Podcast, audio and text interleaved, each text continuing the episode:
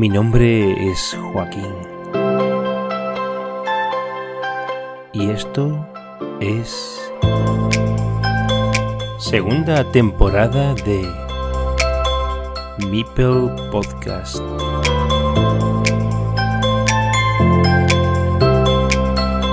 Welcome to Carcassonne.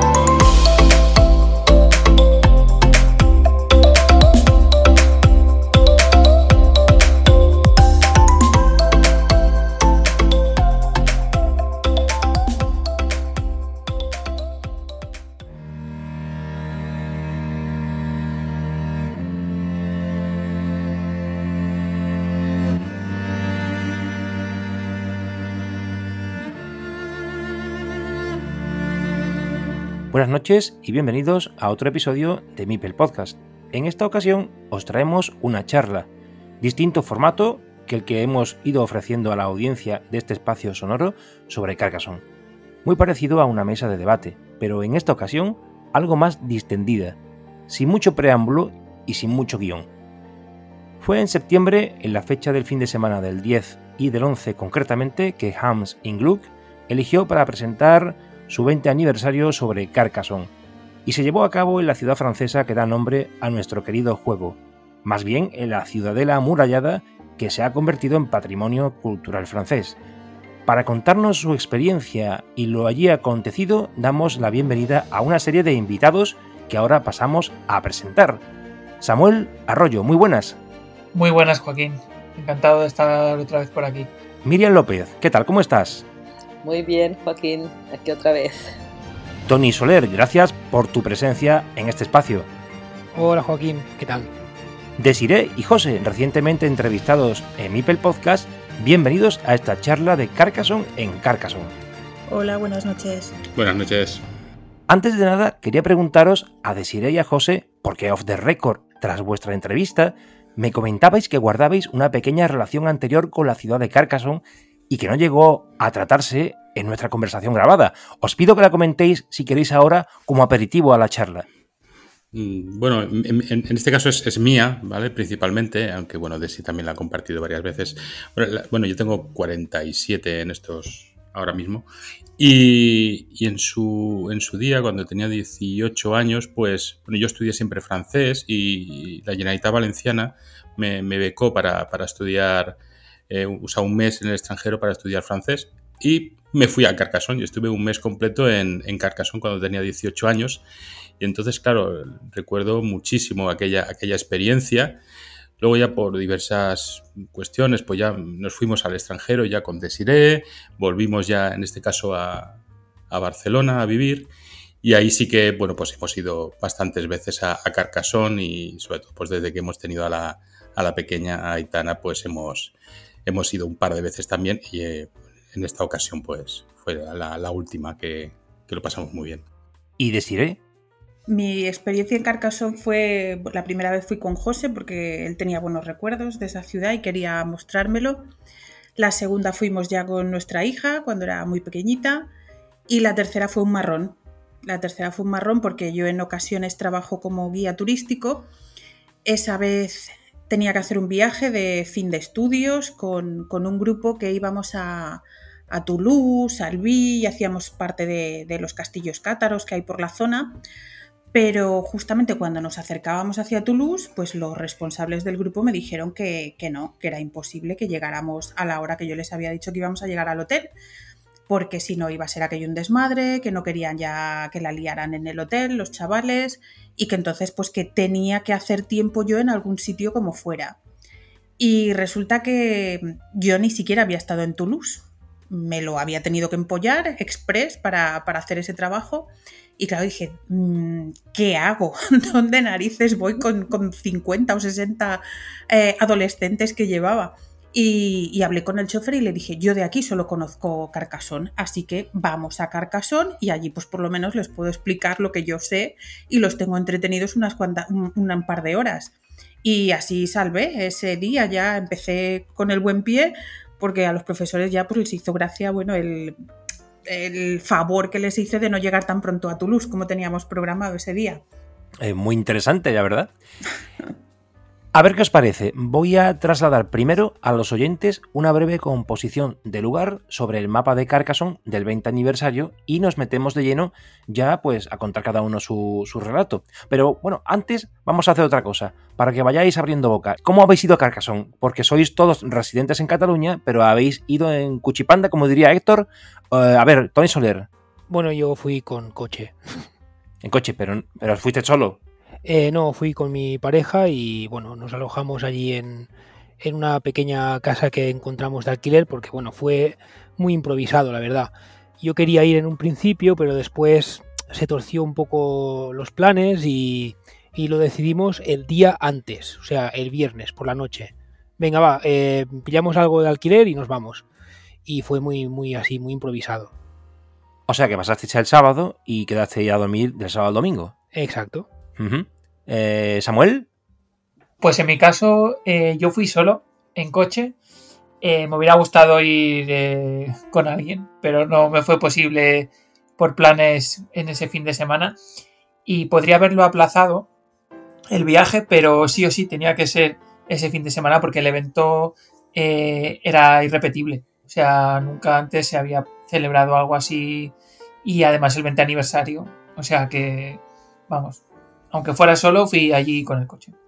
Miriam, Pues yo fui también el sábado mm, por la mañana con mi marido y en coche, fuimos en coche. ¿nos quedasteis allí eh, para el domingo o Nos quedamos a dormir el- la noche del sábado hasta el domingo a mediodía. Desearía y José, ¿cómo habéis ido a Carcassonne? Bueno, en nuestro caso fuimos en, en coche con nosotros dos y la nena.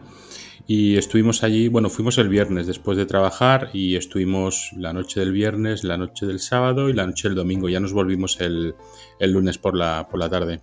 Bien, bueno, os digo que lo que observo yo del mapa, aunque ahora lo vais a contar vosotros, son algunas de, la- de las siguientes cosas diferenciadas.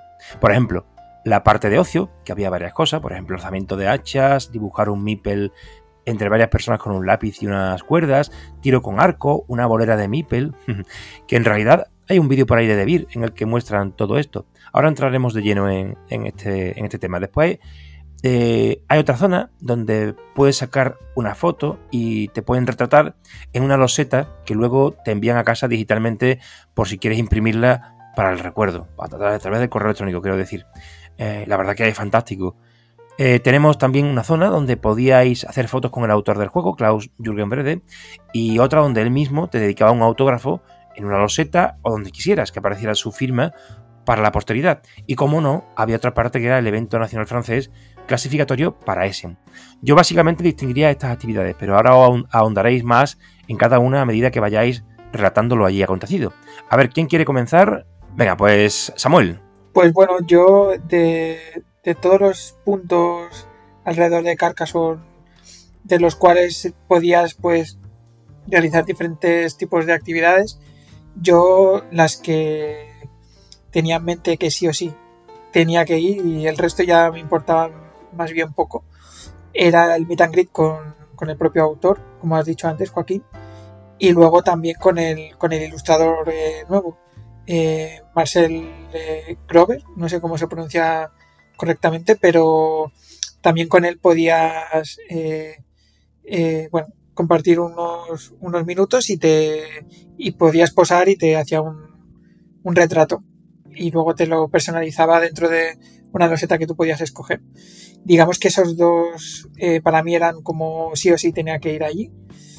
Y luego pues estaría el, digamos como en la zona donde estaba la expansión 11, que todavía estaba, eh, no, estaba a la venta y era el, el primer punto de salida de, la expansión y mucha gente directamente fue allí para comprarla y tenías como diferentes mesas que podías probarla. Hay diferentes niveles, habían allí eh, varios de Asmodee que te explicaban eh, reglamento, incluso había un challenge, pero bueno, eso ya, eso ya lo comentaremos más adelante, pero vamos, yo me quedo con esos, en- con esos tres principalmente. A ver, Tony. Sí, bueno, a ver, sí, un poco y lo mismo que, Samuel, ¿no? Eh, a mí me hacía ilusión, pues no había estado nunca en, en Carcassonne y tenía ganas de, ver el entorno, ¿no? tantos años jugando a este juego y nunca haber ido a Carcassonne pues me daba un poco de vergüenza. Y claro, el día era eh, el, el, el ideal, ¿no? Si, algún día tenía que ser, era ese. Eh, así que, bueno, mi objetivo principal era conocer al autor, eh, que me firmara algo, no sé, me, traje, el, me compré antes de ir para allí el juego este del 20 aniversario, pues se lo hice firmar y ya está. Y también ver el Nacional francés y, un poco ver el castillo, el, entorno, ¿no? ¿no? sé, un poco... A ver, yo no iba más, no iba por los bolos, ni por las hachas, ni por el puzzle, no, sé, eso no, no me llamaba la atención. Me llamaba la atención más bien el ambiente y el entorno, Y el hecho de conocer el autor, pero básicamente era eso. Y al final, pues mira, resultó que eh, tuvimos alguna sorpresa que otra, porque, eh, bueno, tuvimos la suerte, mi pareja y yo, de alquilar una, pequeña casita que al final eh, pues pudimos hacer una cena entre amigos, Samuel, Miriam, Oscar, y jugar algunas partidas, ¿no? Y eso pues me, encantó. Y al día siguiente pues un challenge, ¿no? Ya, ya lo comentará más adelante Samuel. Miriam. Pues a mí me hacía, me hacía ilusión también conocer al autor y estuve en casa pensando qué me podía llevar para, para que me firmara y pensé, bueno, toda, toda la caja del juego no me la llevo y me llevé el, tablero del contador de puntos. Así, la tarjeta donde se va colgando el MIPEL, ¿no? Para sí, sí, pensé, eso es, me lo puedo poner en el bolso y es, así, llevable. Y también se me ocurrió que la catapulta también es pequeñita, la podía, la podía llevar también en la mochila y me llevé la catapulta. Y creo que le hizo gracia lo de la catapulta, firmármela, porque no creo que, hubiera otra por allí. Y bueno, después ah, vi que había gente que se hacía firmar la, loseta de inicio, que no se me había ocurrido, y el, domingo se la, se la, llevé y me la, me firmó también. Mm, Habéis tenido dos oportunidades para que os firmara alguna cosilla. sí, porque él estaba sábado y domingo firmando. Lo de la, la loseta eh, personalizada, que Samuel pudo hacerla, pues yo no pude porque tenía mucha cola, el, ilustrador, y pensé, bueno, volvemos por la tarde. Cuando volví por la tarde ya estaba, ya me dijo que ya había acabado y pensé, pues mañana. Y el domingo no, no estaba. Solo estaba el autor firmando, pero el ilustrador no estaba. O sea que me quedé sin, sin loseta. Vaya. o sea, eh, Tony, querías decir No, nada, que me ha hecho gracia lo de la catapulta, porque claro, es la expansión que nadie quiere. Entonces digo, vamos a firmarla a ver si así gana valor. Claro. Hombre, y está bien pensado, está bien pensado, sí. Piensa que está, está descatalogada y encima firmada. sí, pero es que, es, que vale muy cara, ¿eh? O sea, y te a decir Samuel ahora, y casualmente encima firmada por Klaus, por Klaus entonces ya, eh, vamos, Samuel. No, que respecto a la catapulta, que, ahora mismo si, te la encuentras de casualidad en Wallapop, que es la, plataforma donde más se, compra y vende de segunda mano, eh, pues perfectamente entre 100 y 200 euros. Incluso según a quien le dé, lo puede poner más caro. O sea que por ahí, por ahí están los precios. Sí, pero incluso hay gente que lo compra, ¿eh? O sea, verás que si lo pones a 40-50, te lo, te lo quitan de las manos. Y si lo pones a 70-80, aunque tarde un poco, se lo terminan comprando. Pero a 100-150, como lo he visto por ahí, tengo mis dudas. Pero claro, al final desaparece. O sea, que quiere decir que o lo han rebajado un poco de precio y la han vendido un poco más económica, pero más o menos andan por ahí los precios. Ahora, si encima te la ha firmado el señor Klaus, yo no te digo cuánto puede llegar a costar. No, no, no, de momento no, no, no me la vendo, ¿eh? a ver, de sí, José. Pues en nuestro caso, nuestras expectativas, claro, iban. No, eran muy altas porque al ir con una niña de 5 años era todo en función de ella, a ver hasta dónde aguanta, a ver qué es lo que le gusta más. Y, claro, lo que le propusimos a ella pues fue más un poco lo de realizar los juegos, que es lo que le llamaba la atención en un principio. Además, como vio que daban premios, pues eso la motivó y era todo el rato, mamá, papá, venga, a ver si, si hacemos esta prueba y la ganamos y nos llevamos esa expansión o la bolsita de Mipels o lo que fuera. Y como anécdota tenemos que cuando pasamos por la zona donde estaba Klaus y, Marcel, el ilustrador, había poca, poca cola en ese momento, entonces nos quedamos allí. Le dijimos, le explicamos a nuestra hija, mira, es que ese señor es el que ha hecho el juego al que jugamos en casa y tal. y la otra, pues bueno, como estaba con nosotros y eso aguantó, era poco, poquito rato. Pero cuando estábamos en la cola de Marcel, nosotros ignorábamos que estaba dibujando los setas, creíamos que estaba firmando también como, como Klaus. Y nos quedamos en la cola y claro, ya que yo tardaba y tardaba más y decíamos, pero ¿cómo puede ser si tenemos delante solo tres personas, no? Y mientras estábamos allí esperando, se le cayó el segundo diente a mi hija. la pobre con la boca llena de sangre allí, Klaus mirándonos y, y, Marcel mirándonos ahí de reojo. Y ella allí sentadita con su diente, preguntando si el ratoncito Pérez iba a venir a Carcasón. Y, no, no, vino allí, tuvo que venir en casa, claro, porque el ratoncito Pérez no sabía que estábamos en Carcasón, pero al final nos trajo una loseta que estamos los tres dibujados allí, tan, tan monos, y mi hija tan contenta con su mipel rosa, porque ella siempre tiene que jugar con el rosa. Eh, qué guay. Es bueno, el Mipel Rosa creo que está en la expansión de Posadas y Catedrales, si no me equivoco. Ya empieza ahí en esa, en esa expansión los, los Mipel de colores. Eh, añadido, que el sexto creo que es, si no me equivoco. Eh, bueno, Samuel podrá corregirme. Y en cualquier caso, creo que, que, que es muy divertida la anécdota, ¿no? Porque, bueno, es una curiosidad. Eh, a ver, Samuel. No, sí, sí, es correcto. O sea, el Mipel, el, bueno, el, el, juego de Rosa es para es la expansión de Posadas y Catedrales. Para C2. Bien, bien. ¿Quién me falta? José, ¿quieres comentar algo? No, no, realmente más o menos lo que ha comentado Desi. La expectativa era esa, era eh, pasar un, fin de semana entretenido y, lo que sí que, verdad que flipamos de, la cantidad de gente que había, porque claro, se juntó mucha gente que iba por el evento de, lo de Carcassonne, más gente que estaba allí eh, visitando la ciudad, porque conocimos a mucha gente, de hecho valencianos inclusive, que, no sabían qué, qué, estaba ocurriendo allí, porque había tanta gente jugando al Carcassonne y que también eran les gustaba el Carcassonne y estuvimos jugando ahí con el, con el juego este grande de, de, de los setas que, que, estuvo, que estuvo muy entretenido. La verdad es que destacar todo en general. La verdad es que me pareció bastante bien, bastante bien organizado. Bueno, a los adultos la verdad que esta parte de lo, los juegos y tal a lo mejor no era tan llamativo, pero bueno, seguramente alguno habréis tirado algún bolo de Mipel o habéis hecho alguna cosa, seguro. Sí, Lo que pasa sí, que... Sí. A ver, Miriam, venga. Sí. Yo fui a, al hit de Mipel, que era pues como... Ponían como los Mipels así um, unos encima de otros y tirabas, tirabas una pelota de tenis a ver si los volcabas todos. Y no sé, depende de cuánta gente a la vez jugara, pues te ponían un, un mínimo.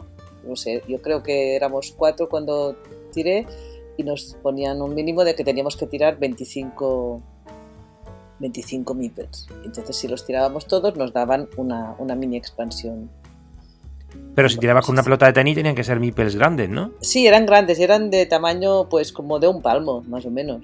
Uh -huh. Aquí se tuvo que divertir bastante, supongo, Aitana, ¿no? De sí, José. Bueno, eh, quería contar una deuda porque fue, en nuestro caso nos ocurrió igual. Eh, éramos tres y como era una pequeñita nos dijeron, pues mmm, 15 puntos, ¿vale? Si, si tiráis 15, pues perfecto. Entonces el, eh, la primera que tiró fue, fue Aitana y, y, tiró 5 y nos sorprendió mucho y dijimos, madre mía, ya está, perfecto, 5. Entonces yo tiré segundo y, y, y tiré 7. Dije, ya está, ya 12 con 3 que tire Desi. Pues Desi empezó a tirar pelotas, pelotas, pelotas y o le rebotaban o salían fuera y no tiró ninguno. No tiró ninguno. Y entonces nos quedamos así con, con cara de, de, de, qué pasa aquí y al final ya por pena, por pena no, nos lo dio. Porque ya le dijimos, nos vamos a volver a poner en la cola. Y ya la mujer dijo, venga, os lo doy. Pero, yo hice lo difícil, conseguí meter la pelota de tenis entre los, entre, por los huecos de los. Pero, Eso pero... se debería llevar no una mini expansión, sino una super expansión. Pero bueno, pero ese, ese, estuvo muy entretenido y, y, hay que reconocer que la pelota de tenis no ayudaba, porque como tiene muy poco peso, eh, había que lanzar con mucha potencia. Eh, Samu. No, yo en, en, cuanto a las actividades estas que no son directamente pues estar con el autor, con el ilustrador o, o con la, digamos, eh, la expansión 11, cosas así. Eh, fuera de eso, como bien comentaban, eran todo actividades enfocadas pues a la familia, a gente más casual que a lo mejor está haciendo turismo y, y ve ahí paraditas o, o puntos de, con actividades. Y es una forma también de acercarse al juego indirectamente, porque igual ganabas que si una mini expansión, como decían, o un juego de Meeples, y esto qué es, y no sé qué. A lo mejor así también se puede captar a más gente eh, a, a Carcassonne, al juego. Eh, yo en mi caso sí que fuera de esos eh, puntos así que he comentado que estuve, eh, probé el. Había como un reto de. Tenías como tres puzzles, eh, bueno, tres láminas con que tenías que colocar, no recuerdo el número exacto de losetas, pero tenías que colocarlas en las tres láminas en menos de cinco minutos y que encajaran correctamente y tal. Y si lo hacías correctamente, pues eh, te dan la mini expansión esta de las señales. Y, nada, esa la hice. Y luego la de. Con Oscar, con Oscar Masagué, fuimos a esta de dibujar el Mipel entre dos. Tenías una hoja de papel y tenías eh, como un. como una especie de. de. bueno, de círculo de madera con, con unas cuerdas a los lados. Entonces yo sujetaba eh, de un extremo con unas cuerdas y Oscar del otro extremo y en el medio había un rotulador. Entonces era como a pulso, tenías que ir eh, moviendo el rotulador de forma vertical, con cuidado, y, los dos sincronizados para dibujar un MIPEN y luego encima dibujarle lo que quisieras en el MIPEN.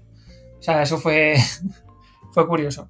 Pero bueno, aparte de eso, no, yo estuve más centrado en lo que es la expansión 11. Estuve ahí todo lo que pude. La verdad que a nivel familiar eh, debe ser muy divertido porque, claro, este tipo de juegos, pues aparte de la diversión para cualquier parte de. para cualquier persona, quiero decir, eh, el, cuando ya llevas niños, en este caso, por ejemplo, eh, José y Desi, que llevaban a Aitana, pues evidentemente eh, para las chicas es más entretenido.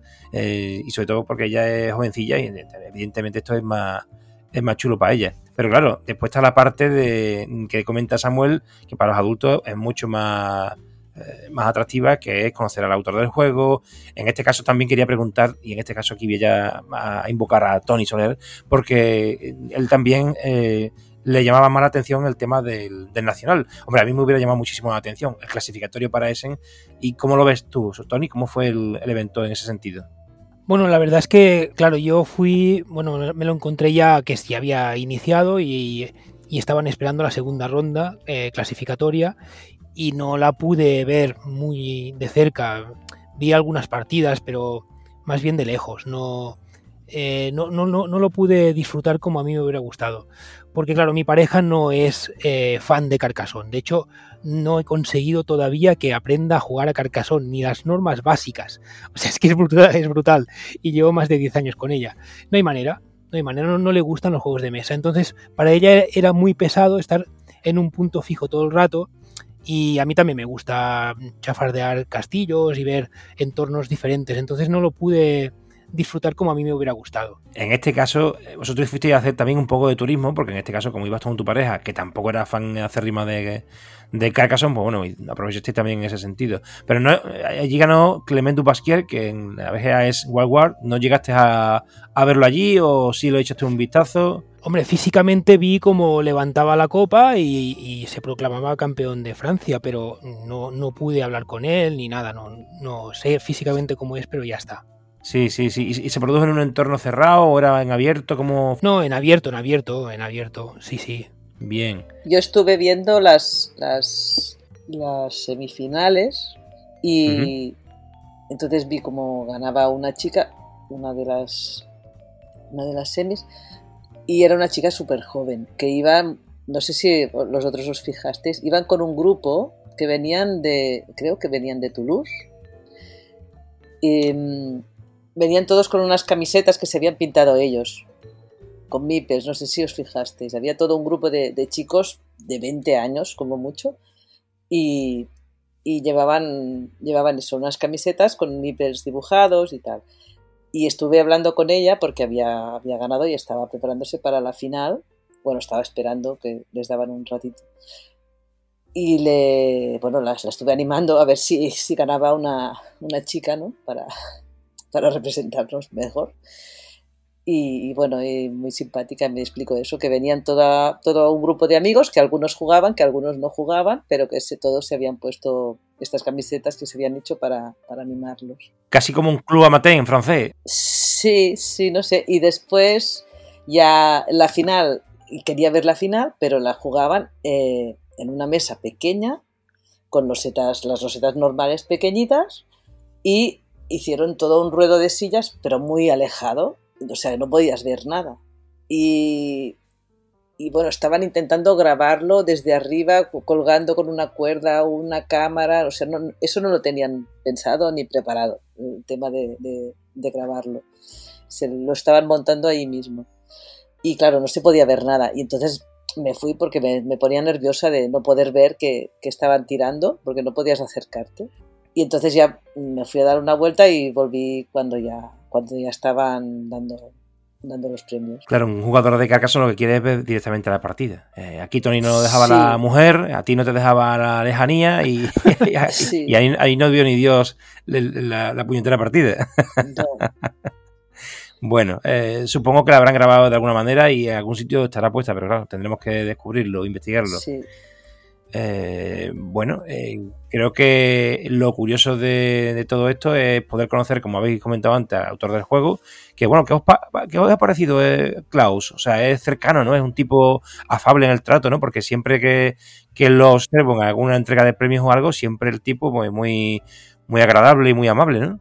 Sí, sí, sí, muy, muy simpático. Bueno, estaba, se le veía ahí pletórico, estaba súper contento, ¿no? De tener tantos fans ahí buscándole. Eh, Samuel, ¿tú qué piensas que mm, en respecto de, de Klaus? ¿Crees que, que esta o de estar siempre en los eventos de, de Hansing Glue es algo por contrato o porque le encanta eh, este trabajo que, que tiene? A ver, yo mm, nunca lo, o sea, lo había visto en persona hasta este fin de, septiembre. Yo lo que conocía de él era de segundas, de gente que ya lo había conocido en Essen o en algún evento y, me decía, no, es muy majo. Claro, lo típico que igual piensas, pues lo dicen pues porque... o porque igual les ha dicho cuatro cosas y no sé, ¿sabes? Que lo típico que te pueden decir. Y no, no, o sea, yo lo pude ver, estuvo todo, toda la mañana del sábado y parte del domingo, porque el domingo no estuvo toda la mañana, estuvo creo que dos o tres horas, hasta de 10 a 12 creo el domingo. Pero estuvo todo el rato manteniendo la compostura, con todo el mundo súper amable, o sea, te firmaba todo, porque yo me llevé 50.000 cosas para que me firmara y me lo firmó todo. Que yo dije, le dije, bueno, fírmame esto y ya está. Y me dice, no, no, eh, si es todo esto, te lo firmo. Y me sabía mal porque había un montón de gente detrás, pero claro, como yo había empezado a hacer cola de los primeros, digo, pues bueno, pues aprovecho y empecé a sacar cosas y sí, sí, me lo firmó todo y además de verdad, que no es que notes, eh, lo está haciendo por compromiso y la, típica sonrisa falsa y tal. No, no, o sea, realmente ves que se lo pasa bien. Y luego por la tarde haciéndose fotos con ahí en donde se hizo el Nacional de Francia, con, con gente de allí. Luego también había otro, otro sitio que te podías hacer selfies con unos palos de Mipels y también estaba por ahí haciéndose fotos con la gente, o sea, estaba por todos sitios haciéndose fotos. Mm, yo sí, yo pienso, ¿verdad? Esto es una opinión personal mía. Claro, interpretándolo desde el punto de vista de que llevo un año solamente conociendo Carcassonne y este tipo ya llevaba haciendo juegos de mesa con anterioridad, pero claro, este juego de mesa es el que lo ha petado. Y yo creo que este tío, este tío sigue sorprendido de la cantidad de gente que arrastra su propio juego, que, que ni él mismo creo yo que haya llegado a pensar que haya, que haya llegado tan lejos. Y claro, cada vez que se presenta en un evento de Carcassonne motivado por, por Hansing Glue, como puede ser el evento final de Essen, o este, en este caso el aniversario de, de Carcassonne, como también se produjo el décimo aniversario, pues al final este tipo siempre lo que creo que le sorprende es los fans, la cantidad de gente que, que tira el juego y que, y que no deja de ser sorprendente para, para él mismo, pienso yo. Desi, José, Sí, iba a comentar eso mismo, porque cuando estuvimos hablando con él, eh, lo vi muy interesado en preguntarnos a todos los que estábamos por allí de dónde veníamos. Y cuando cada uno le decíamos un país distinto, su cara era de, sorpresa y admiración total a que hubiéramos ido allí expresamente por, por su juego, algo que ha creado él. Y, sí, yo, yo me quedé con esa impresión de que, bueno, sabe que tiene muchísimo éxito, es evidente y él conocerá mejor que nadie las cifras de cuánto se ha vendido su juego, pero, pero el ver que la gente va por conocerle, que llevamos cosas para que nos las dedique, eh, es que había familias que me llamó la atención que cada miembro de la familia llevaba una edición de Carcassonne distinto. El niño llevaba el de Star Wars, el padre llevaba la primera edición, la madre llevaba el de los recolectores, la hija llevaba otro, y, cada uno con su versión de Carcassonne favorita, con él Y, y eso, gente de hasta Alemania, Holanda, Inglaterra, España, Francia, por supuesto. Yo, yo sinceramente me, me sorprendió mucho y lo vi a él también como a veces hasta abrumado, de madre mía, mm, la gente que ha venido y todo lo que me traen. Sí, sí, sí. Bueno, yo supongo que estaba encantado el tipo, ¿no? Pero claro, siempre me he preguntado, en todo este tiempo, cuando, cuando lo he visto firmando y tal, digo, joder, este tipo estará ahí por contrato, yo, porque llega un punto en que será cansino, ¿no? Lleva 20 años eh, firmando cosas y, saludando a la gente. Pero bueno, no sé, es una curiosidad mía y, lo, quería preguntar aquí a ver qué, qué pensabais. Samuel. Bueno, que yo comentar que en relación a lo que decía antes Desi, que yo a este hombre, eh, a mí lo que, lo que me sorprende es que aparte es eso, que te pregunta eh, y luego eh, que, ves que es genuino, que después de 20 años eh, parece como si fuera ayer, que acaba de sacar el juego, o sea, se le ve que igual dices, mira, hay etapas y si lo hubieras pillado en el 2000 hubiera sido de otra manera, pero a mí me da la sensación que eh, no, ha cambiado en ese sentido, que aunque sea un juego de mucho éxito es muy cercano y, la verdad que eso, no sé, a mí me, gustó. Uh -huh.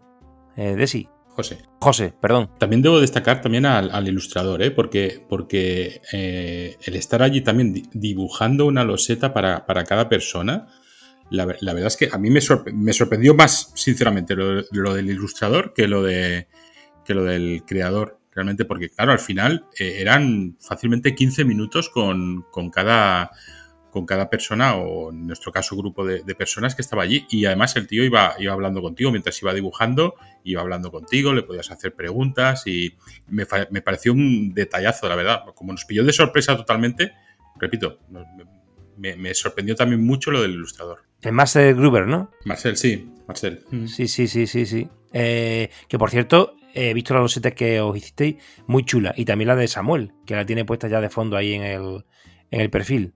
Eh, los dos muy guay, sí. Eh, bueno, ¿por dónde seguimos? Miriam, ¿nos puede relatar cómo fue esa quedada en la casa de Tony Soler, la casa de alquiler? Ah, sí. Pues fue, fue muy divertido, porque, bueno, cuando nos encontramos ya todos, que fue más o menos al mediodía después de comer o así, ya, ya había llegado, habíamos llegado todos, nos encontramos y, y Tony nos propuso eso nos dijo que tenían una casa, que tenían espacio y que si queríamos ir a cenar allí y echar unas partidas. Y bueno, pues dijimos, vale, pues vamos cada uno a comprar alguna cosa y, y, y, y bueno, y nos reunimos más tarde y bueno, pues eso, su, su, pareja hizo unas tortillas de patatas y nosotros pues llevamos cosas de, de picar y un poco de cerveza, vino y pan y, y nada. Pues, ¿Una tortilla de patatas ha dicho? Dos, dos, dos tortillas, dos tortillas enormes hizo. ¿Pero de patatas? De patatas, sí. O sea, española. Española, sí. No, no estaríais, no estaríais en un jardincito reunidos. Sí, sí, sí, sí. Pues os veíamos por la noche. Nosotros pasábamos por allí para ir a nuestro hotel y, y, vimos una casa donde en el jardín había varias personas, un grupo de, pues no sé, cinco o seis personas quizás, o siete, eh, españoles reunidos porque se os oía hablar desde la calle y nosotros de camino al hotel decíamos, mira, esos están ahí jugando y hablando y tal, y se conocen, qué guay. Pues, Coño, pues... os iba a preguntar precisamente, digo, digo, digo, bueno, digo, todos estabais allí menos Desi y José, pero mira, qué casualidad que a también la, pasaron por allí. A la próxima nos apuntamos. Hombre, claro, haber picado. Había tortilla ¿Eh? de sobra. Sí, o... Podías haber hecho tortilla francesa. Era una calle de doble, de doble sentido, ¿verdad? La que, que estaba muy cerca a, a, a la Cité. Sí, ser? sí, sí, además muy estrecha la calle. Pues probablemente, ¿eh? porque nosotros eh, salíamos de la, de la Cité para ir, estábamos en el, en el Ibis Budget, porque a Aitana le encantan, eh, le encanta el Ibis Budget por la, por la litera que está arriba, y, y entonces pasábamos por, por ahí. Supongo que sería vosotros, porque, porque ya te digo, era, era un grupo de españoles que estaban allí, además hablando que se, se, se os oía perfectamente, y, pero sinceramente pensábamos que, era, que erais autóctonos, o sea, que era gente española que vivía allí. Pero, pero, bueno, pero ¿hablaban en, en catalán? Ah, pues eso ya no, Hostia, no pues me fijé. no- no ma- es que, ¿sabes lo que pasa? Que, que como nosotros, lo de valenciano, catalán y estas cosas, lo tenemos tan interiorizado, al final ya, ya no te sabría decir en qué hablaban, porque, claro, para mí era. Bueno, Bueno, y lo si- entendíamos. Si no erais vosotros, era otro grupo si de españoles que se, que se habían reunido allí, porque también coincidimos con muchos más españoles. Incluso me sorprendió gente de que habían ido de Córdoba. Habían ido en avión hasta Toulouse y, y luego en un Uber o no sé o algo así habían hecho para llegar hasta Carcassonne. Digo, madre mía, estos nosotros tenemos un par de horitas en coche o tres, pero ellos, sí. jolín. que ahora que comentabais de, de bueno, de lo de la casa, claro, yo estaba pensando, es que cuando yo estaba en la cola de la ilustración con Marcel, yo no sé si estabais, Desi y José, estabais detrás mío o cerca mío, porque a mí me suena, porque había un, una pareja con una niña pequeña Pues, pues entonces éramos nosotros. Puede- y yo digo, tenéis que ser vosotros, porque yo he visto vuestra ilustración de lo de la loseta y yo digo, yo creo que eran ellos, pero no estoy seguro. Delante nuestro había un chico español que iba solo. Y, eh, tenía dos bolsas de carcasón azules Lle- lle- Llevabas una bolsa azules de estas que, que dan que los ponía de Cunco, carcasón y había como un mipel. De, de las de Cunco. De hecho, te, te pregunté, ¿quieres que te haga la foto con, con Marcel? Y te cogí el móvil Ah, pues que eres tú foto. entonces. ¿Ves? Eres tú entonces. es el mundo. Es que no- digo, a ver si voy a meter la pata. Digo, no sé. Y digo, pues eres, pues sí, pues sí que nos hemos conocido. Pues sí, sí, nosotros mira, mira por dónde, mira por dónde. La, la familia con la niña que se le cayó el diente y empezó a sangrar la boca, esos somos nosotros. Qué guay, qué divertido está haciendo la charla. En ese sentido, ahora ha cogido más, más tono esto, ¿eh? Está, está chulo. Eh, bueno, bueno, bueno. Entonces, al final, había eh, estabais esperando una cola en la que tardaba mucho tiempo. Supongo que no ha contado Samuel que además de llevar un montón de losetas para que se la firmara Klaus, resulta que también eh, le estaba diciendo a, a Marcel cómo tenía que ponerlo a él en la loseta para que, para que le saliera mejor. Y al final, pues estaba ahí, ahí esperando. Hasta el punto, Samuel, de que se de- de- terminó cayendo hasta el diente a la chiquilla. Es que hay que ver. ¿eh? No, no, a ver, que, que el tiempo que, que tardaba en dibujar eh, lo hacía con todo el mundo. O sea, se ponía, Sí, sí. tú te ponías delante y además que no terminaba la ilustración, simplemente era un boceto, pero igual se tiraba 10 minutos para hacer un boceto. Y luego te la mandó al mes, al mes de- del evento más o menos, final de septiembre, principios de octubre. Sí, lo recuerdo porque lo pusiste en el grupo de expansiones y lo, lo comentaste que ya te había llegado y tal. Pero que digo yo que lo que no visteis fue a Tony Soler porque, claro, la, la mujer estaba ya mosqueada y ya y se tuvo que ir allí, a la fila. Eh, bueno, y, y lo del challenge este, ¿qué fue exactamente? Pues ya directamente en, en la Cité, ¿no? Bueno, yo, yo, yo cuento mi primera parte del challenge y después ya ellos que cuenten la segunda. Ok. Y yo la- lo hice el sábado. O sea, el challenge era donde presentaban el, el nuevo juego, el de las la niebla sobre Carcassonne. La expansión 11, ¿no es? Pues ahí con, con algunas losetas de esa expansión, am, de ese juego, te, te proponían un challenge. Entonces tenías que hacerlo cuatro personas. Nosotros nos pusimos, mi marido y yo, y, y vinieron pues, una pareja que creo que eran belgas. Bueno, y lo hicimos. Nos, explicaba- nos explicaron de qué iba la cosa y, y lo hicimos. Entonces te daban de, si conseguías unos puntos, un mínimo de 30 puntos, eh, con unas losetas concretas que ellos te, habían preparado, te daban una velita en forma de meeple y pues ya está. Y conseguimos el, el reto y nos dieron la vela y ya está.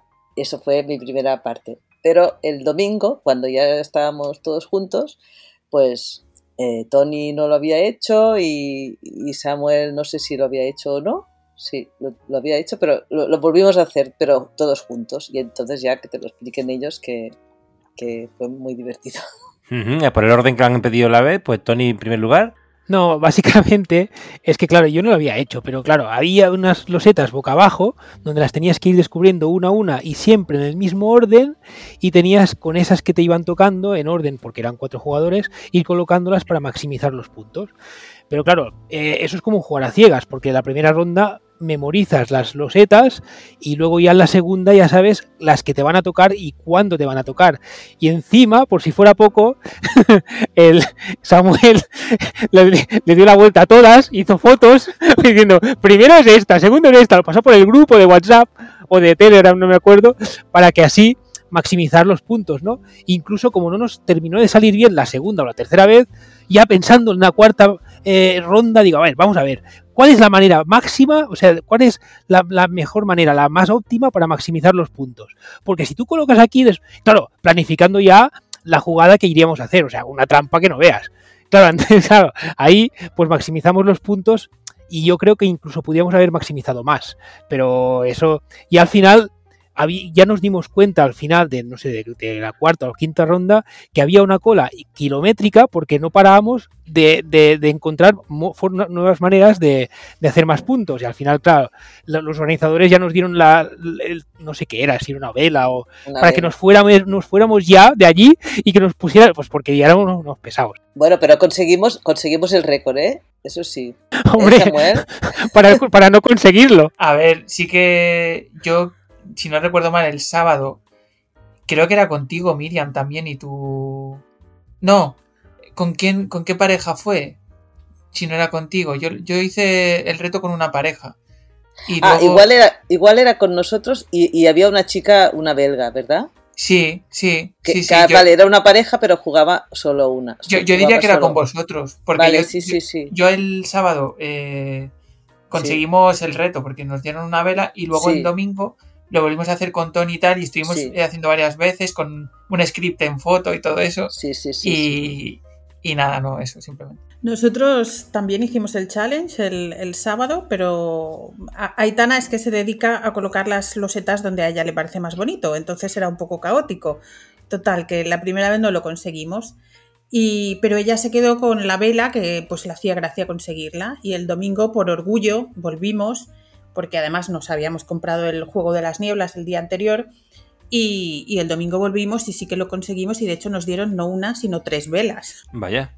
Además, el, el juego, el juego este, eh, claro, no, no, no, lo conocíamos, claro, por supuesto, y ya nos, nos sorprendió bastante que fuera cooperativo, porque claro, eh, el Carcasón, además de, de, nuestra, de nuestra entrevista ya eh, lo, lo, lo, escucharéis, nosotros vamos mucho, jugamos mucho, pero vamos mucho también a putear, ¿vale? Entre nosotros, eh, de sí yo.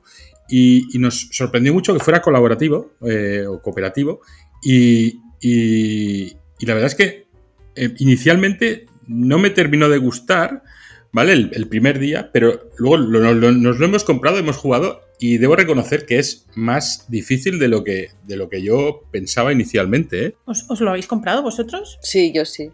Yo también lo compré. ¿Y qué os parece? Eh, bueno, a ver, yo eh, sinceramente el, el, sábado cuando me lo compré estuve mirándome el reglamento eh, y sí que es cierto que hice solo el, el challenge que tiene, sí que las bases del reglamento es el mismo, pero claro, luego hay como diferentes niveles como comentabais, entonces ahí ya cambian cosas. Entonces yo al mediodía eh, fui al apartamento eh, donde estaba y me leí el reglamento. Pero sí que es cierto que no, no, lo puedo probar hasta el domingo. Entonces el domingo con Oscar Masaga estuvimos por la mañana eh, con un, bueno, uno de los eh, que están ahí en el stand, que nos explicaron eh, cómo funcionaba y tal.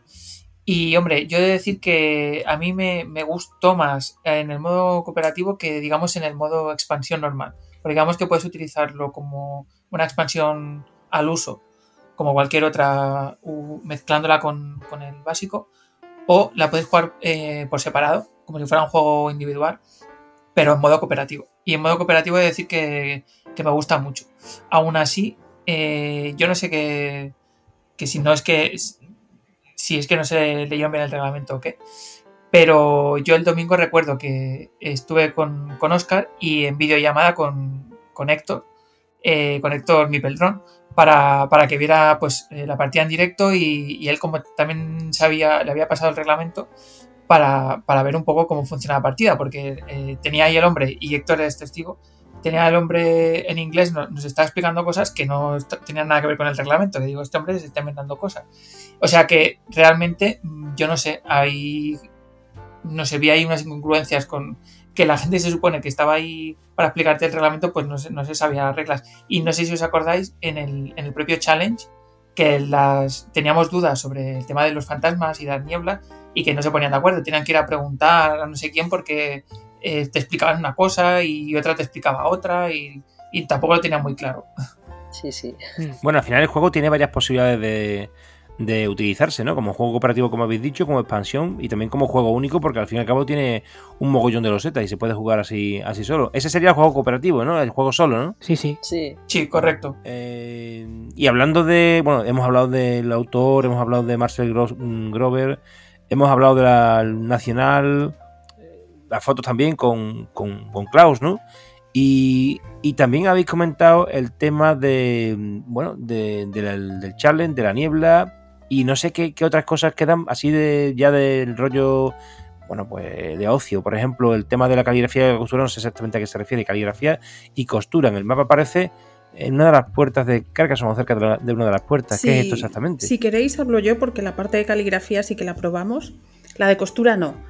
Eh, la parte de caligrafía, pues había allí un, bueno, como en cualquier mercado medieval, de así, de cualquier ciudad medianamente grande e importante que se precie, había un chico que tenía unas fotocopias de cómo es un, alfabeto así normal de letra gótica y con plumas de oca y tinta te enseñaba a hacer, hacer los movimientos básicos para hacer cada letra y te daba un papel para que, para que practicaras al principio y luego otro papel un poco más, más gordito, tipo cartulina, para que te hicieras una especie de punto de libro. Eh, iba enfocado más a los niños, por lo menos el rato que estuvimos nosotros. Lo que pasa es que, claro, mi hija, cinco añitos, pues si le cuesta escribir su nombre en español con un lápiz normal, pues imagínate con una pluma de oca y un tintero. Eh, entonces ahí, a mí esas cosas siempre me habían gustado, la caligrafía, y entonces me senté yo y estuve aprovechando para enseñarle a ella y tal. Y, y me pareció curioso, porque yo que sí que soy una fan del lettering y estas cosas, pues me, me resultó curioso ver cómo salen los trazos de las, de las letras góticas, pero es simplemente por el diseño del corte de la pluma de oca. Y, y, bueno, pues así entendí muchas cosas de cuando yo era jovencita y tenía que copiar las letras y pintarlas cuando hacía títulos en el colegio o en el instituto. Y me pareció, me pareció bastante curioso. La parte del, de tejer, de, allí hacían, había como telares y te podías hacer con lanas que tenían de colores una pulsera, pero no Aitana no quiso sentarse allí y entonces pues nos dedicamos a otras actividades más como el bowling o el lanzamiento de hacha y cosas que, que le llamaban más la atención a ella, o lo de dibujar el mipel también, o incluso nos sentamos en alguna mesa de juego a probar algún juego, estas, este tipo de cosas. Y había también tiro con arco y, y, y, lucha medieval, pero eso estaba cerquita también de caligrafía y costura. Sí, es cierto, estaba en el foso, en el foso de, de la ciudadela. Allí nos fuimos al tiro con arco porque, porque había mucha cola y allí daban la expansión de, del conde, pero en C1 y como yo juego en C2 y ya la tenía, pues dije, bueno, pues me ahorro esta cola. Pero en lo de la lucha sí, sí que estuvimos porque iba la gente así vestida en plan medieval, los que estaban allí enseñándote, y a todos los niños que veían disfrazados de caballeros o con alguna espada en la mano o eso, pues les enseñaban cuatro movimientos básicos y hacían mini combates. Y por supuesto, pues claro, mi hija salió de Carcassonne con su casco, su escudo y su, y su espada. Entonces ella estuvo allí luchando con el que les enseñaba, incluso con otros niños franceses que había por allí haciendo combates. Y se lo, se lo pasó pipa. Se lo pasó genial, claro, sí, evidentemente. Sí. Oye, Samuel, esto del puzzle, esto de rellenar el marco, supongo que era eso que comentabas al principio, ¿no? Eh, sí, correcto. Esto, eh, si no recuerdo mal, creo que Héctor, porque yo le pasé no sé si fui yo fue, creo que fue un francés que también está en el foro de Carcassonne Central, le pasó las imágenes y luego Hansing Club lo subió. Lo subió, no sé si en su página web, el, el challenge, o sea, del puzzle, y creo que ya está en la Wikicarpedia. Héctor lo subió en la Wikicarpedia por si hay alguno que quiere hacer el, el reto con las losetas y, y los tres y los tres eh, las tres láminas de puzzle. Tony, ¿se animó tu, tu pareja al lanzamiento de hacha o al Meeple Bowling? No, no, lo único que hizo, y por cierto bastante divertido, fue el hit de Meeples con la pelota de tenis, que no daba una, se metía otra vez en la cola y una vez más y otra y otra. Al final ya le dio, no sé, el regalito para que se fuera ya porque era... Sí, sí. Intentamos porque habían dos modalidades allí. Si lo hacíamos juntos y tirábamos un número de, mi, de Meeples, pues nos daban el regalito. Y si lo hacíamos por separado, eh, individualmente tenías que tirar menos Meeples. Entonces me puse por separado un momento, conseguí la expansión y ya está. Pero sí, sí, no, no, le, no le iba muy bien eso de tirar al, a los Meeples. ¿Y alguien ha hecho el lanzamiento de hacha o el Meeple Bowling? Sí, yo, yo, yo, yo hice el, el de. Los, de hecho, hicimos, creo que todos, menos el de, el de arco. El de hacha lo, lo hicimos. Eh, se me dio súper mal, muy mal.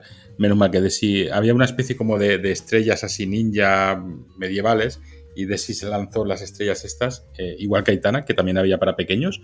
Y, y fue Desi la que consiguió. En, en, ese caso daban los, los meeples de, de madera, de estos que eran con.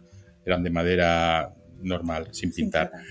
Y, y, el bowling también. El bowling nos ocurrió igual que lo tuvimos que hacer dos veces. La, la primera no, no conseguimos eh, los puntos que, que nos pedían, eran era individuales, Aitana, Desi y yo.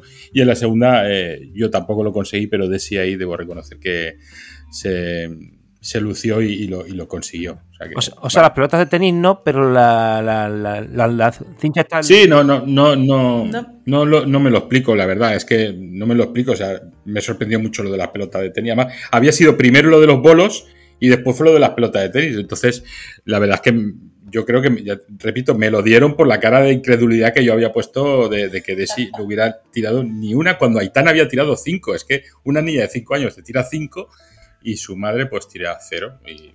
Pero, pero yo conseguí lo de las hachas y lo del bowling, así que estoy, estoy salvada. Bueno, José, no te digo nada. Si, si te va a tirar, te va a lanzar algún día algo de sí, que si no es puntiagudo, pues no te preocupes. Pero como sea puntiagudo, ten cuidado que te acierta, ¿eh?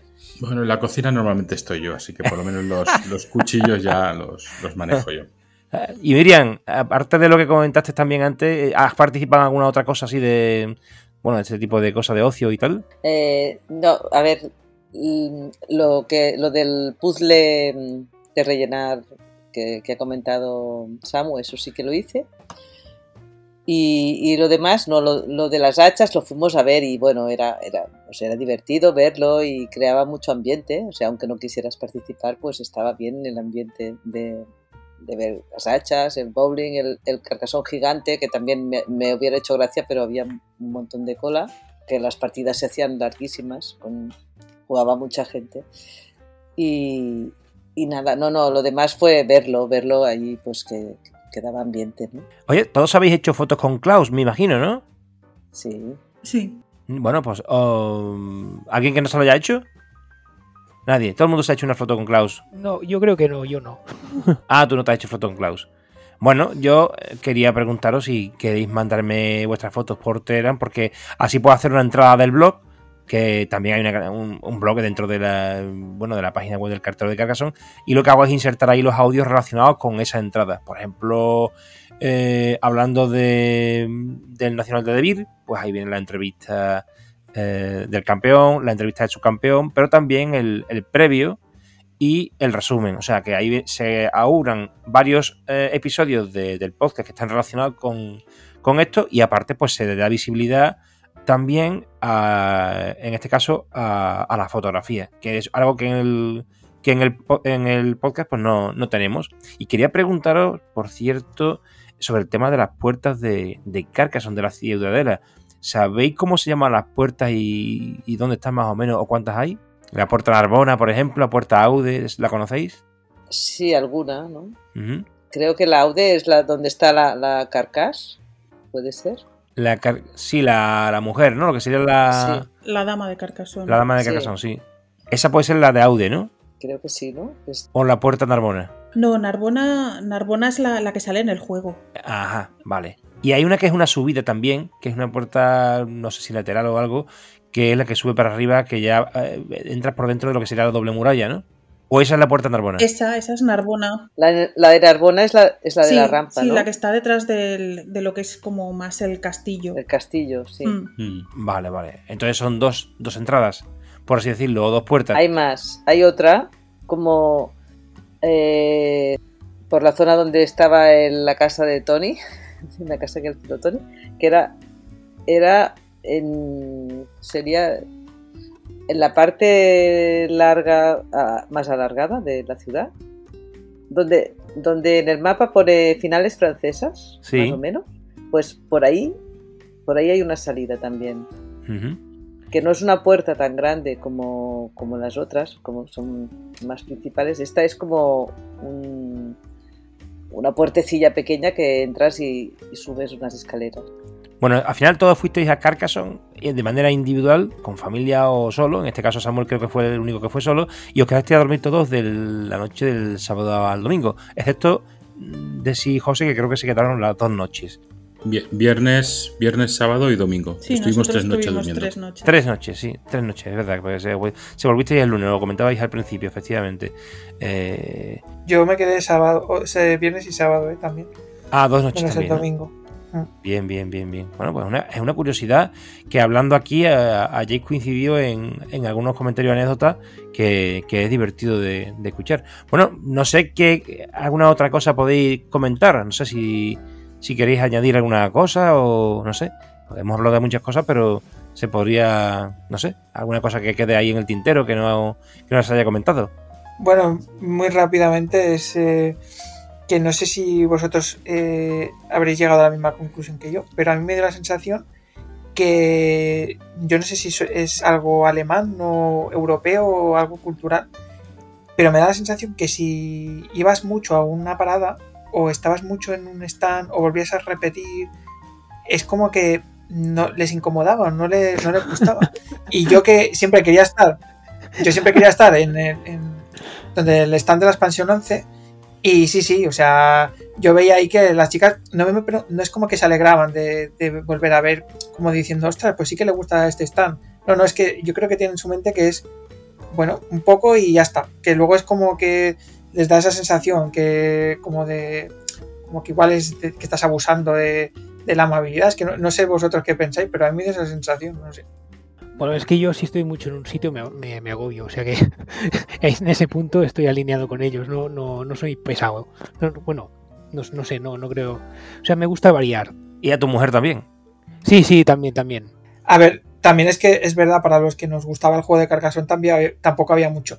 Como no estuvieras en, en el- en la parte de la expansión 11, no había más eh, paradas para poder jugar a, a otras expansiones o, o a variantes del juego a- o, a, o a torneos en situ, así. No, no había mucho Sí, no, claro, si no te ibas a tirar bolos o hachas, pues eh, si te gusta jugar, pues es que era el único sitio. Bueno, eso o ir al Nacional. Claro, pero al nacional, al nacional no podíamos participar. Lo- igual lo- yo lo que eché en falta es un sitio donde poder jugar, ¿no? Como Claro, un claro. sitio donde te encontrarás ahí gente que quiera jugar al Carcassonne y, y jugar. Bueno, en el Nacional, porque yo no, no, no lo busqué, pero yo creo que sí que habían mesas para poder eh, tú jugar allí, ¿no? Eh, fuera del Nacional. Fuera del Nacional yo vi que estaban jugando al Carcassonne Star Wars, por ejemplo, y otros juegos de estos así que llevan miniaturas más tipo Wargames. Y en la, entre las dos murallas, muy cerquita de donde estaba lo de, lo de la caligrafía, allí eh, habían puesto también mesas de juego, no sé si era Asmodee o qué editorial las había puesto, que por ejemplo estaba el Carcassonne de Cazadores y Recolectores, eh, tenían otros juegos como el Codex Naturalis y, y en la zona de dibujar tu Meeple también tenías mesas donde te enseñaban a jugar. Lo que pasa es que, claro, depende de a quién pillaras, igual solo te hablaba alemán o un alemán que intentaba hablarte francés y yo no tengo ni papá de francés, con lo cual a veces resultaba un poco complicado que te explicaran el juego según quién, quién era la persona que estaba allí. Pero yo sí que encontré sitios donde, donde se podía jugar y además muy amablemente te, te lo explicaban. Eh, Samuel. Sí, no, es verdad que ahora que comentaba eso de sí, en la entrada del Nacional yo vi que había como unas mesas de Asmodee que tenían algún juego. Pero sí que es verdad que yo, yo estaba pensando más en la gente que friki de, de Carcassonne, pues como un, stands o paradas que simplemente fueran solo de Carcassonne. En plan, pues mira, aquí eh, varias mesas con, que puedes jugar con, con el básico y con esta expansión y otros están con, con- como haciendo combinaciones de expansiones pero en diferentes stands. Un poco para probar eh, un poco diferentes maneras de jugar a Carcassonne. Ya que es el 20 aniversario, pues creo yo, eh, hubiera estado bien pues un poco que la gente tuviera eh, conociera un poco de historia de, todo lo que es Carcassonne, incluso gente que a lo mejor ha jugado a una expansión o dos y ahí pues dices, mira, tienes ahí 50.000 stands entre comillas para probar todos los Carcassones y expansiones y, y yo qué sé. Yo, yo me imaginaba algo más así, ¿eh? En mi mente, pero bueno, igual era demasiado complicado, yo qué sé. Sí, a, mí lo que sí que me llamó la atención, por ejemplo, lo, que decía Samuel tiene razón, ¿vale? De las expansiones, pues no, no las cuidaron demasiado ahí en ese sentido de juego. Pero nada más entrar en la ciudadela, eh, la, oficina grande que tienen de, de, información y turismo, lo que me sorprendió es que tenían el escaparate repleto de todas las cajas de Carcassonne y todas sus expansiones. Y me hizo ilusión porque, claro, yo ya había estado en Carcassonne otras veces y nunca me había pasado eso. Sí que hay una tiendecita de recuerdos que siempre es la misma, que, en un rinconcito de su escaparate tienen siempre una caja de Carcassonne. Que de hecho, cuando me tocó improvisar de guía allí, pues me sirvió también para llenar un hueco explicando el juego. Pero en, otras tiendas, o menos aún en la, en la oficina de información, nunca lo había encontrado. Y esta vez sí, se ve que la, la editorial se había puesto de acuerdo con ellos. Creo que era para el evento. Y, pero los, vendían también, sí, sí, sí, fue por el evento, pero lo podías comprar. De hecho, nosotros compramos allí la, última que nos faltaba. Y, bueno, me, hizo gracia no ver todas las cajas, cada una con su color, todo allí muy bien puesto, todas las expansiones a la venta. Sí, pero, pero sí que es verdad que faltaban más, más, mesas para, para poder jugar y, Sí, sí, lo, eché un poco en falta también. También es verdad que era un fin de semana, ¿eh? al final tampoco es que, es que fueran una semana completa ni nada de esto, era un fin de semana, pero, pero al final eh, el, día, si, llegabas muy temprano y apurabas hasta las 7 más o menos, que es lo que cuando ya se, era para salir de allí, eh, se echaban falta ciertos periodos jugando con personas, llámalo desconocidas, ¿vale? Eh, de, allí. Y bueno, luego también hay que, hay que reconocer que, bueno, al, final el entorno también era muy importante. No, sé si estuvisteis, por ejemplo, en la, en la visita que se hace por la noche, por la, por la Cité, que, te la iluminan toda y todo eso. Y también, también es bonito. Eh, estar en la, en la, en la Cité, la verdad es que le daba un toque medieval a todo, a todo el, el evento. Echaba en falta, que esto sí que lo vi yo cuando estuve la primera vez allí en Carcassonne, eh, que había, eh, presencié allí unos combates eh, medievales con sus caballos y con sus, con sus lanzas ahí y eso, y echaba un poco en falta esto también, pero, pero a, mí realmente me, gustó mucho y, y debo reconocer que se podría mejorar, por supuesto, se puede, se puede mejorar, pero me pareció bastante bien organizado. Eh, Samuel. Que justo estaba comentando José sobre la, bueno, la visita esta que haces alrededor del castillo por la noche. Y, yo fui, no sé cuándo fuisteis vosotros, yo fui el viernes por la noche. No sé si estaríais en el mismo turno que yo o no, porque ya por casualidad. Estuvimos el sábado. Vale, vale, vale. No, yo, fui el, viernes por la noche. Pero la verdad que es, es increíble. Esa, exposición se ve que la hacen cada verano. Es eh, de julio a septiembre o algo así. Y, vale mucho la pena. De hecho, acababan, acababan creo que el día anterior o acababan un poquito antes y, creo que añadieron algún día por el, por el evento de Carcasón.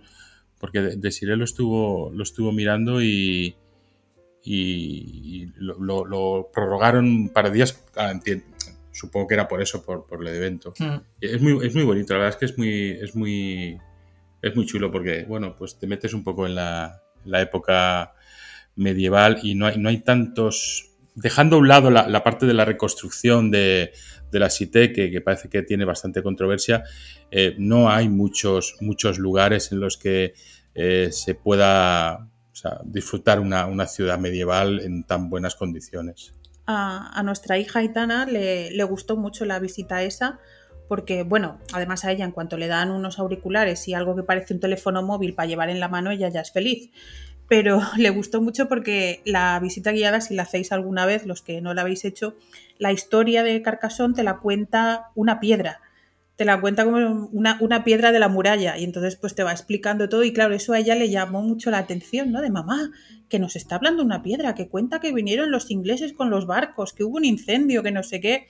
Y, luego al final el espectáculo de luces que tienes proyectado sobre una de las, de las paredes le, le, gustó mucho, le llamó mucho la atención y echó en falta que de todas las imágenes que aparecían de la historia de Carcassonne no apareciera ningún Mipel ni el juego.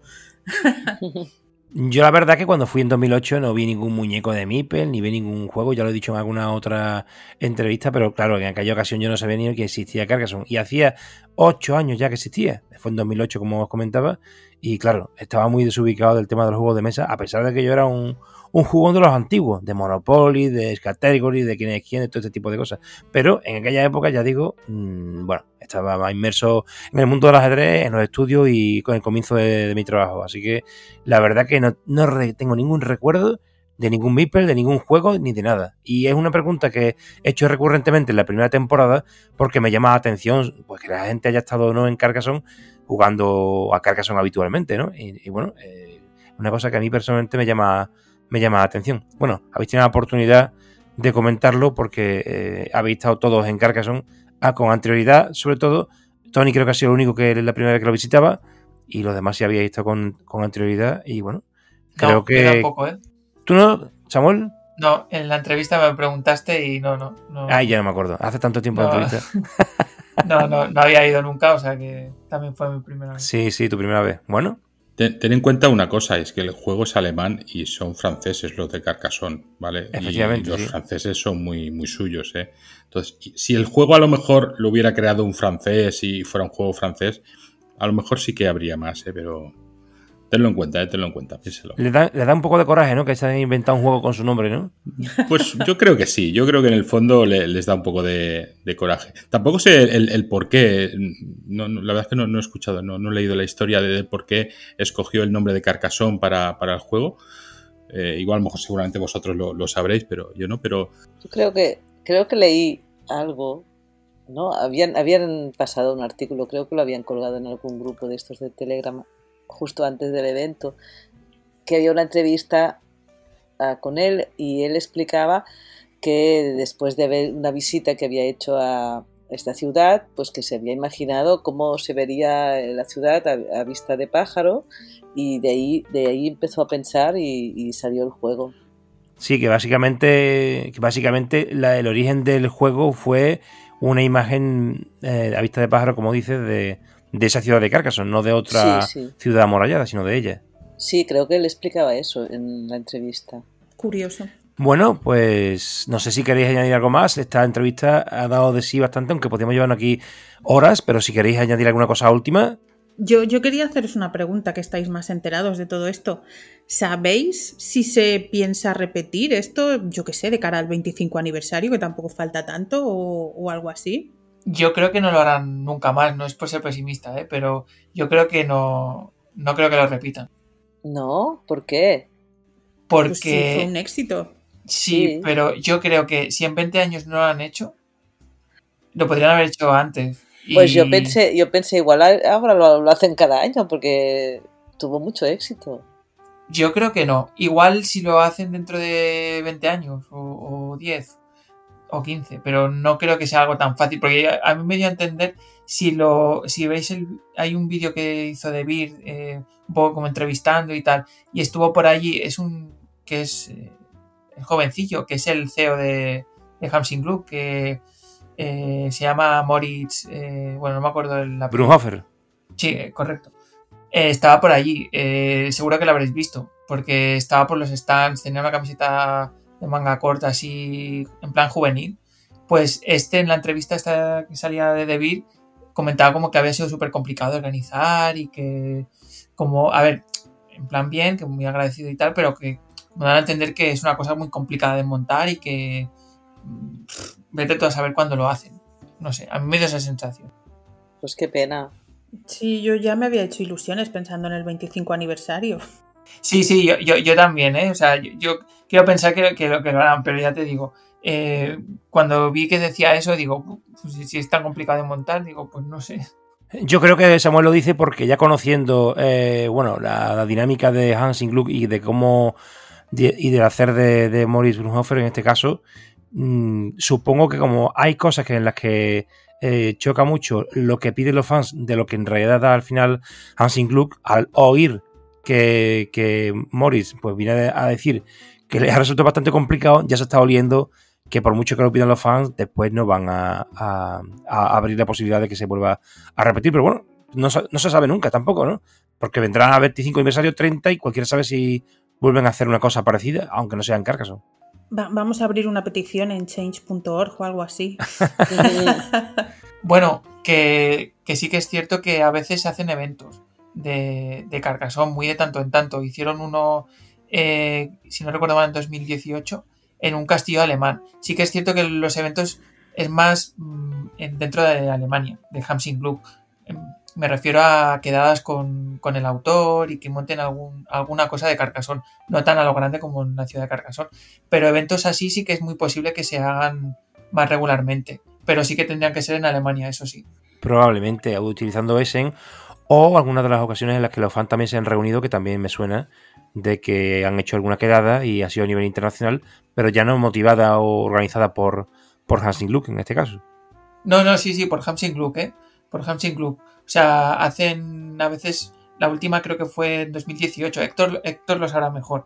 Hicieron como un evento con Hamsing Club y fue en un castillo alemán, rollo casa, castillo, algo así. Entonces tú pagabas, eh, era una estancia, te, no sé si era para dos días o algo así, y era como un meet and greet entre fans de Carcassonne de diferentes partes del mundo, quien quisiera ir, y estaba Klaus también allí, podías preguntar dudas de expansiones y no sé qué. Sí, sí, algo así. Eh, Héctor lo sabe mejor. Bueno, eh, pues yo creo que hemos llegado al final de, de este bonito encuentro. Quería deciros que hemos ido a Carcassonne, o los oyentes han ido a Carcassonne gracias a vosotros, al contar todas estas anécdotas y vivencias que habéis tenido. Así, no sé, yo creo que me despido ya. Despedimos y cerramos este, este charla, este debate o este coloquio, como queráis llamarlo.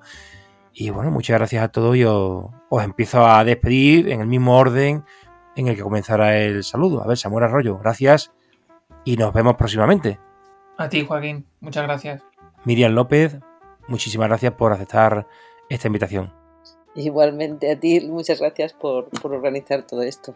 Tony Soler, gracias también a ti y te espero prontito por aquí. Muy bien, Joaquín, nos vemos. Muy bien. Y Desiree y José, y un saludo para Aitana, un placer nuevamente.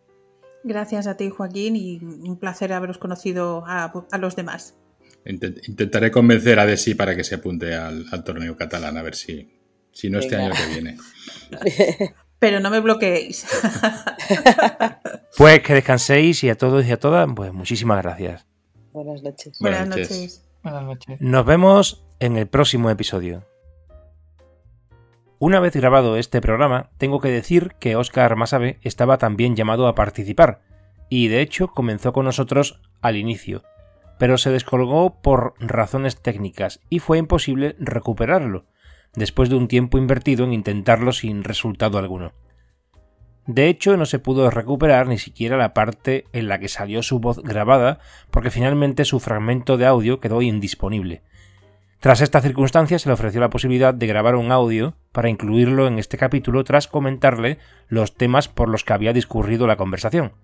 Os dejo con este audio con el que cerramos el episodio de Carcassonne en Carcassonne. Hola, buenas. Eh, gracias por dejarme grabar el audio porque hubo al final unos problemas técnicos muy extraños con el ordenador. Y bueno, pues te envío un poco pues, eh, un resumen de unas pautas que me has dejado que comente. Y bueno, te explico. Eh, todo empezó porque vi las de Bit News y vi que dijeron fiesta en Carcassonne de los 20 años de Carcassonne en Carcassonne, ¿no? Y, y dijeron el día, digo, hostia, si puedo ir y tal. Y digo, pues mira, hace mucho que no voy a Carcassonne voy porque si organizan aquí algo muy chulo, pues va, va a estar súper bien. Y no me lo pensé dos veces. El mismo día que lo anunciaron en Debir, sabía de un hotel que estaba chulo, digo, pues venga, me lo cojo. Entonces, a medida que fueron avanzando las semanas, eh, así en grupitos así que tenemos de Carcassonne, que si yo voy, que si yo qué sé, ¿sabes? Mucha gente iba diciendo que iba. Y digo, ah, pues mira, pues aún va a estar mejor porque en compañía siempre, siempre está mejor ir a estos sitios. Y bueno, pues entonces eh, fui en coche solo porque como el día antes trabajaba y bueno, no me iba muy bien por la mañana, pues me fui a- al mediodía tarde, me fui para allí y disfruté lo que es el sábado por la tarde y luego un poco el, domingo por la mañana. Y estuve muy bien porque ya nada más llegar ya empezamos así a contactarnos entre nosotros por Telegram y nos pusimos ya en contacto, o sea, fuimos poco a poco coincidiendo todos. Y al final, pues eh, esa misma tarde, tarde-noche, pues coincidimos, decidimos ir al- a la casita con, que tenía la casa alquilada de Tony Sule. Y entonces pues estuvo muy bien porque hicimos cena, ya fuimos así como para picotear todos un poco y, y con la tontería esta nos hicimos partidas, eh, algunas a cinco, que no, no es la esencia de este grupo así porque estamos como más de uno contra uno, pero bueno, la, la cuestión era pues pasar un rato agradable todos juntos, hablando sobre el evento, lo que habíamos visto, jugando las partidas, cenando tranquilos. Y la verdad es que, claro, en esa época pues hacía una temperatura muy agradable para estar así en terracita y tal. Entonces, pues bueno, eh, tema, el tema del evento, o sea, al principio, cuando vi el cartel pensé, ostras, digo, esto no sé yo si, si va a ser muy potente, porque parecían como actividades así muy, muy para niños y tal. Pero la verdad es que una vez estás allí está muy estuvo muy chulo, porque ya de por sí la, el castillo Carcasón, ya lo que es la ciudad y tal, ya está muy ambientado de por sí, de normal. Entonces, ¿qué pasa? Que se lo curraron mucho la, la gente de Asmodee, allí de Francia, porque iban, la mayoría iban disfrazados así de época y te iban explicando cosas y te animaban a actividad y habían, pues eso, habían mini actividades que al principio pues no parecían muy llamativas, pero como te daban así obsequios, si las realizabas y las superabas, te animabas y te acababas divirtiendo. Porque había, por ejemplo, había que montar un puzzle con varias piezas del carcasón y tenían que coincidir con los finales. Entonces tenías que hacerlo en menos de 5 minutos. Habían, no sé si eran 60 piezas, no sé. Habían bastantes. Y estaba muy bien, claro, porque ibas como a contrarreloj. Claro, sabes, las piezas pues ya, ya va bien, aunque no estaban todas del, bueno, no me acuerdo cuántas habían, pero bueno, no, eran las del juego base, eran las del juego base, pero no estaban todas las del base, eran un mapa más pequeño. Y estaba muy bien, incluso dibujar por parejas, así un, con una especie de madera y un, lápiz colgando. Tenías que dibujar un mipel y decorarlo y tal. Y era como que el movimiento tenía que ir coordinado entre las dos personas, si no, pues salía un churro y a nosotros nos salió muy bien. Y sí, muy bien. Y, y después, bueno, una actividad que no pude disfrutar o que llegué tarde, pero fue que el, dibujante de las losetas de Carcassonne te hacía un retrato así esbozado, y, pero luego te prometía darte, enviarte una, mm, loseta ilustrada con lo que es tu aspecto y tú así en la ciudad y tal. Y hubo un compañero que, lo hizo y nos lo ha enseñado, porque ahora ya en esta época ya, ya le ha dado tiempo, se ve al ilustrador y ya, ya ha quedado muy chula. Pero yo no estuve a tiempo. Y también, bueno, vimos al autor de Carcassonne, eh, hubo también una, una, coña muy graciosa porque siempre aparecían, o sea, ya la reconocía y tal. siempre de otra vez tú, otra vez tú. Y sí, sí, fue, fue, fue graciosete. Y bueno, eh, sobre lo que es la loseta, la niebla carcasón, eh, me quedé muy sorprendido gratamente. Yo al principio cuando fui pensé, esto lo va a petar, pensaba que iba a ser como algo limitado y tal, pero bueno, había de sobras para todo el mundo. Y nada, no me lo pensé y me lo compré. Digo, hostia, es que un carcasón cooperativo. Digo, es que esto, vamos, tiene que ser curiosísimo. No, no, tenía ni idea de que iba a ir, pero la verdad es que está muy bien. Es como otro planteamiento el carcasón, pero está bien. O sea, si te lo planteas como un juego independiente, diferente, está, está gracioso. Yo lo disfruto con gente igual que no le gusta mucho el carcasón, pues también se animan. Porque ya, claro, como me tienen miedo por el tema de contar los setas y esas cosas, pues ya en el carcasón cooperativo ya no, eso ya no va así. ya, bueno, es, más, juegan más relajados, porque está sin equipo. Y bueno, la verdad es que estuvo muy bien. Hicimos un challenge muy chulo que mm, además lo superamos a los que ya habían. Eh, tenías que, había como un puzzle de no sé cuántas piezas, de no sé si eran 15 o 16, y tienes que hacer el máximo de puntos. Y claro, la verdad es que nos entretuvimos ahí dándole mucho a la cabeza. O sea, no sé si estaba planteado para que las cogieses random, así sin pensar mucho y hicieses lo que pudieses.